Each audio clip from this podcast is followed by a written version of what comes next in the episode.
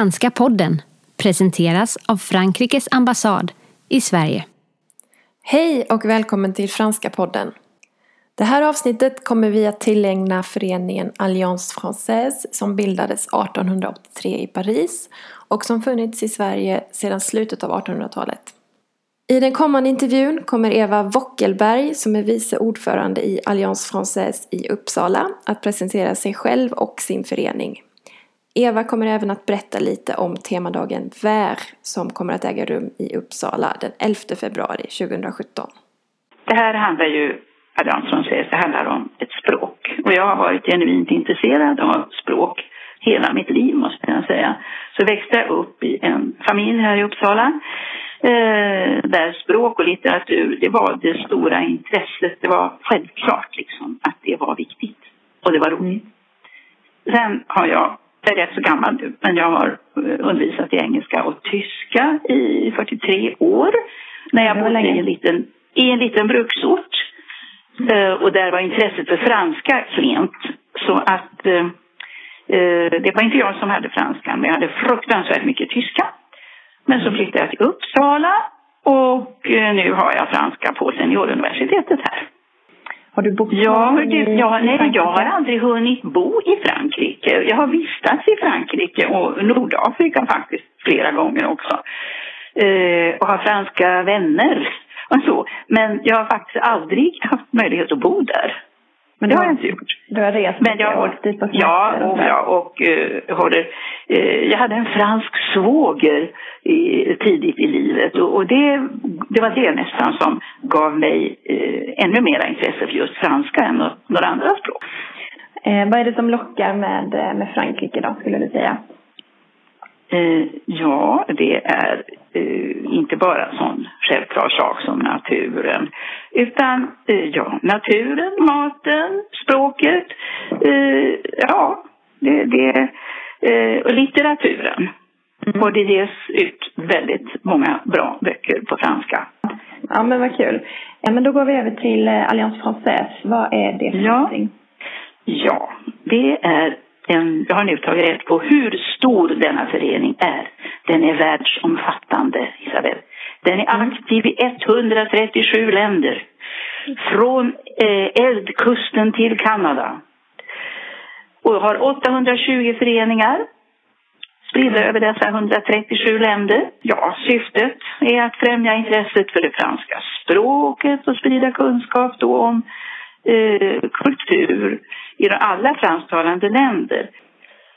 Eh, vi har en kontakt där och det är att vi förmedlar eh, kurser i, i Nice till exempel med Française där. Och det funkar väldigt bra. Eh, vi har medlemmar som frågar efter vad, vad, vad tycker du att jag ska, eh, hur ska jag studera nu? Så här. Mm. Eh, och vi har även till exempel studenter som får stipendium av oss och då ska de eh, använda pengarna till att eh, utveckla sitt franska språk och då vill vi gärna att de vänder sig till eh, någon allians säger så den i Nice har väldigt, och Lyon tror jag också, har det ofta varit. Okej, okay, så att Alliance ja. finns även i Frankrike? Oh ja, Alliance Française grundades i Frankrike 1883. Men ännu mer intressant tycker jag är att bara åtta år senare, alltså 91, mm. så var det några eldsjälar i Uppsala som bildade en lokalförening av Alliance Française du Sal, ska den heta nu. Vi har ju, alltså de föreningarna i Sverige, de är ungefär 15 lokalföreningar. Och vi har ju ett visst samarbete och utbyte av idéer. Vi har, en Reunion National som inträffar någon gång i april varje år. Uh, och det är väldigt givande att vi har det. Um, och hur, vet du hur många medlemmar som finns i, i hela Sverige? Nej, du. Jag vet hur många föreningar Nej. det finns. Alltså att det finns, ja. att det finns 15 föreningar i Sverige. Och vi har, vi har nu, dagens siffra var 390. Eh, jag kom med i styrelsen ja, 2005. Och då hade den börjat öka. Eh, så de senaste 15 åren så har den nu ökat alltså så markant Eh, och varför? Ja, eh, det, har nog, det har nog att göra med att eh, av tradition så är franska, eh, det är stort intresse för franska helt enkelt. Här. Mm. Plus då kan man ju säga att vi har, vi har den här temadagen. Det är någonting som ingen annan förening har. Ja, men berätta gärna lite mer om den eh, tema, temadagen som har den 11 Ja, februari. Ja. Eh, vi har inga egna lokaler utan vi hyr då en eh, universitetsbyggnad som heter Ekonomicum. Vi hyr en hörsal och vi eh, har eh, café, fru- frukost, kaffe och croissant och sen eh, lunch för alla där. Hela idén bygger på ett tema. Det ska handla om en sak egentligen bara. Nu brukar rubriken på dessa tema vara något svårtydd och det tycker folk är spännande. Nu i år så blev det extra tillspetsat med detta vär som vi lät skriva med fonetisk text. Då blev det detta vär. De fonetiska eh, krumelurerna där står för alla de ord som uttalas vär men betyder så många olika saker. Och kring detta Just det. utspinner sig hela, före, hela föredragstema. Tema. Och vär då kan till exempel betyda på svenska grön. Grön och det kan betyda glas. Och det kan Just det. betyda mask. En liten silkesmask Mm. eller något sånt. Och det kan betyda mot. Väldigt smart. Så då kretsar hela temadagen Ja. eh, runt de här Ja. olika eh, Ja, och jag, jag tog med eh, här några rubriker. De här rubrikerna på föredragen kan ibland vara konstiga. Uh, nu har vi den här. Grön, grönare, grönst, ska det stå det där. Om den gröna färgens status i konsten från äldre tider till idag. Och det, alla hakar upp sig på grönst, men ordet finns. Det är då från eh, tio på morgonen till bortåt halv fem. Eh, med lite pauser då. Sen har vi i allmänhet eh, god uppslutning när vi har mingel efteråt och det måste man också anteckna sig för i förväg så att det inte blir brist på små snittar som ska vara till drycken. Och sen finns det de som gärna stannar och äter middag också. Vad har ni annars för aktiviteter Ja, inplanerade så framöver? vi har ju, eh, vi måste planera vår verksamhet väldigt noga och vi hoppas ju alltid att vi ska kunna ha fem föredrag, eller åtminstone fyra under terminen. Och sen den här temadagen då på vårterminen.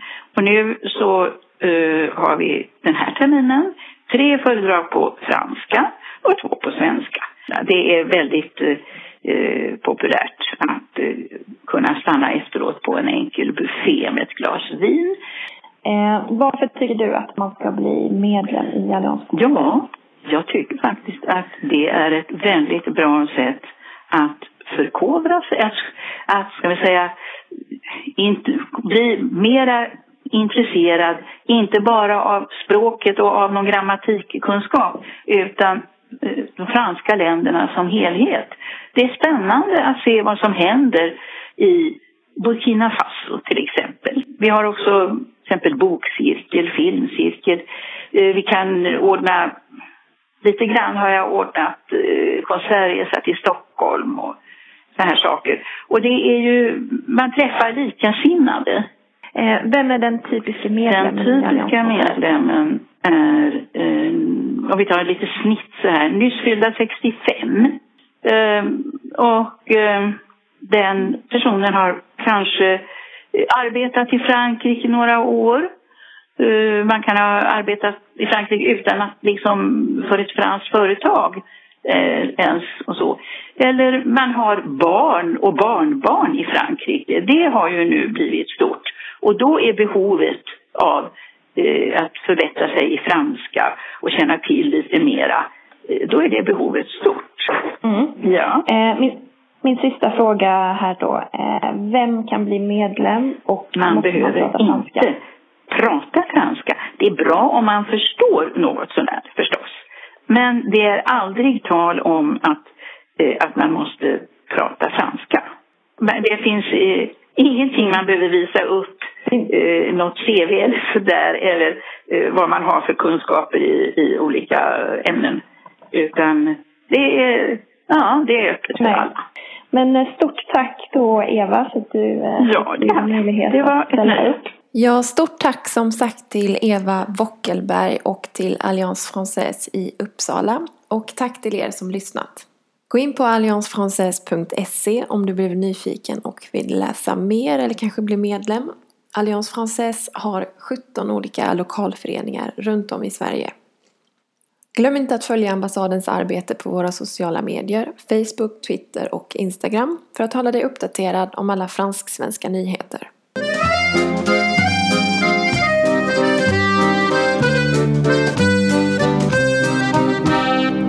Franska podden presenteras av Frankrikes ambassad i Sverige.